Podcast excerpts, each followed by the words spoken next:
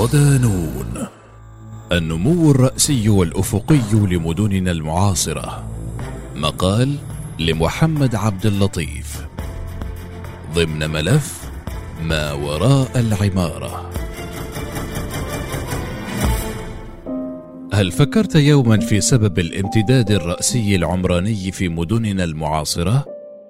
إذ كثير من دولنا تحتوي على الكثير من المساحات التي قد تستغل لخلق بيئة أفقية قريبة من الإنسان، لكن يظل الخيار الرأسي هو الأقرب للاختيار والتنفيذ، فما السبب في ذلك؟ وكيف نشأت فكرة النمو الرأسي في العمارة؟ وما الذي شجعها على الانتشار في مشارق الأرض ومغاربها؟ في القرنين التاسع عشر والعشرين بدأ الأوروبيون في البحث عن نظام اجتماعي جديد كنوع من أنواع الرفض للماضي البرجوازي وللتعبير بشكل أدق وأصح عن العصر والتغيرات الحادثة به والتمسك باحتياجات العصر الجديدة بالإضافة إلى التخلص من الفوضى والظروف غير الصحية للمدن آنذاك ووجد المفكرون أن العمارة والمدن كصورة للحضارة هي أولى خطوات التغيير. فركز المصممون على ابتكار تصميمات جديدة لمدينة قد تكون بمثابة نموذج للمجتمع بما يتماشى مع أيديولوجيتهم المعاصرة.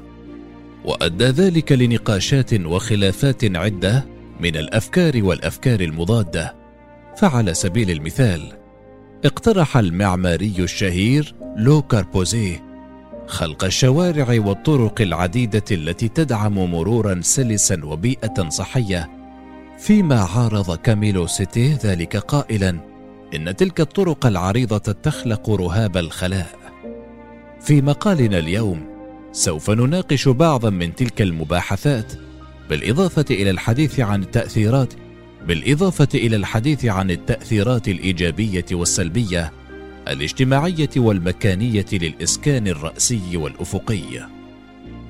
جاردن سيتي اشتهر ابنزر هوارد مؤلف كتاب مدن الحدائق للغد بخطته العمرانية لإنشاء بنية اجتماعية قائمة على التضامن والتعاون وتقليل آثار الرأسمالية من خلال الجمع بين المناطق الحضرية والصناعية والريفية وبهذا دعم هوارد النمو الأفقي من خلال تصميم مدن الحدائق التي ترتبط بطرق واسعة وتتكون عادة من مساكن منخفضة الارتفاع وبدعمه للنمو الأفقي وانفصال مدن الحدائق عن بعضها البعض.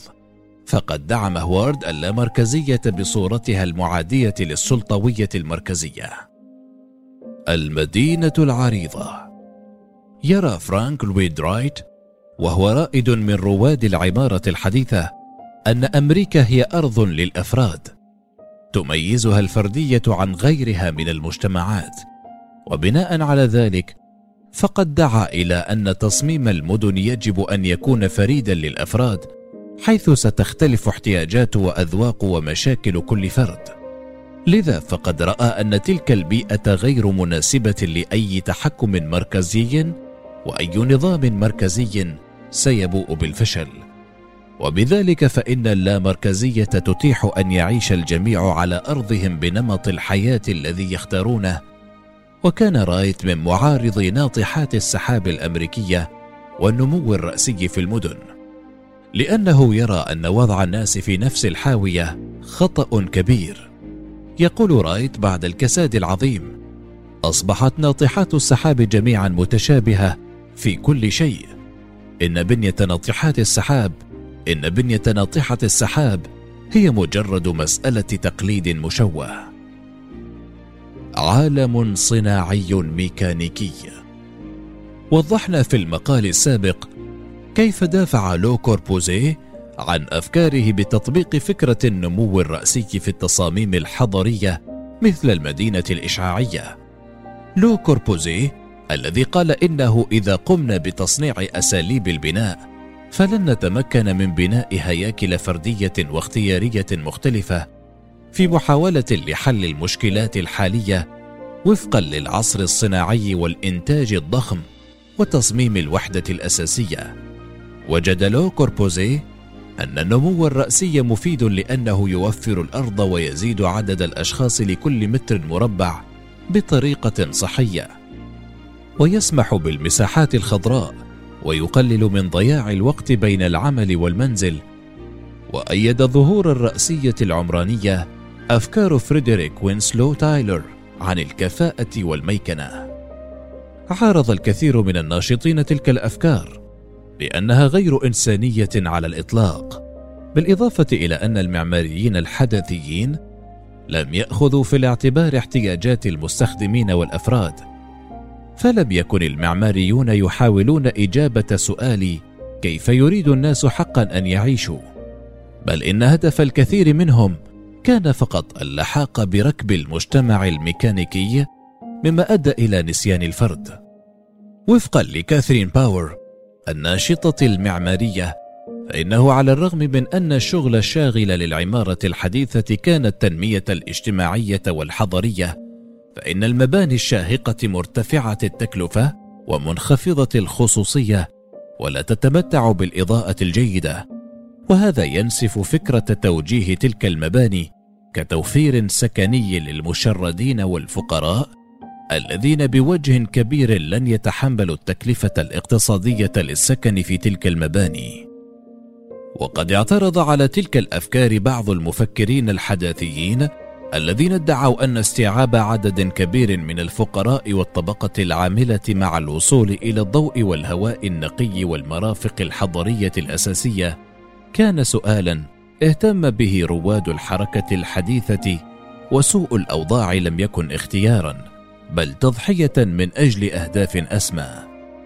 واعترضت باور على ذلك معتبرة السكن الجماعي الحديث ليس فقط مكانا للسكن لكن كمكان يؤسس شبكة اتصال مع من حوله مثل الحي والمدرسة وأماكن الترفيه وأماكن النقل والمكاتب. قائلة نحن نجبر على أن نكون جزءا من آلة طوال اليوم. هم يريدوننا أن نكون روبوتا مثاليا يعيش في بيئة غير شخصية. نحن نعترض على محاولة ميكنة المجتمع كله. لذا فقد دعت باور إلى أن فكرة التطوير السكني الحديث يجب أن ينمو افقيا لأنها تعتقد أن المباني الشاهقة تخلق مساحات عالية الكثافة وتدمر الخصوصية في المساحات الخارجية. إلى جانب تحويل الساكنين إلى فكرة الأشخاص الميكانيكيين فالمسكن المثالي يجب أن يحتوي على حديقة خاصة ومساحة كافية للاحتياجات الفردية. ويجب أن يكون وفقا للتقاليد الثقافية والقيم التاريخية ويجب أن يكون كذلك في متناول الفقراء. وتوضح باور أيضا أن تكاليف الإسكان الرأسي ليست بالضرورة أرخص من الإسكان الأفقي فالتكلفة الإضافية للجدران الخارجية وزيادة استخدام الأراضي بسبب الظلال الطويلة والواجهات الميتة والبنية التحتية الإضافية ونفقات التدفئة والتبريد وغيرها كل ذلك يزيد من تكلفة البناء على المدى الطويل. وإذا قارنا المزايا والعيوب يمكننا أن نرى المباني الرأسية مركزية موفرة بذلك وحركة مرور مريحة. وتوفر الوقت حيث يمكنك السكن بجانب عملك أو المناطق التي تتردد عليها كثيرا. وتوفر أيضا المزيد من المساحات المفتوحة وتجربة الارتفاع عن الأرض والاستمتاع بمنظر مطل على المدينة وتوفر التعايش بين المنازل والخدمات ذات الإنتاج الضخم لكنها على الجانب الآخر لا تبهج الساكنين كالإسكان الأفقي وتقلل من الخصوصية وهي باهظة الثمن بوجه عام ولا تتناسب مع المقياس البشري ولا تركز على الاحتياجات الإنسانية. ويمكن القول إن المنازل التي تنمو افقيا لها خصائص فردية وموجهة نحو الاحتياجات الإنسانية وبأسعار معقولة وخفيفة وجيدة التهوية وتحافظ على الثقافة ولا تضع الناس مقدما في قوالب ولأن أذواق وميول البشر تختلف من مكان لمكان ومن عصر لعصر. فقد نرى البعض يفضل أن يسكن مسكنا خاصا والبعض قد يهوى سكن ناطحات السحاب.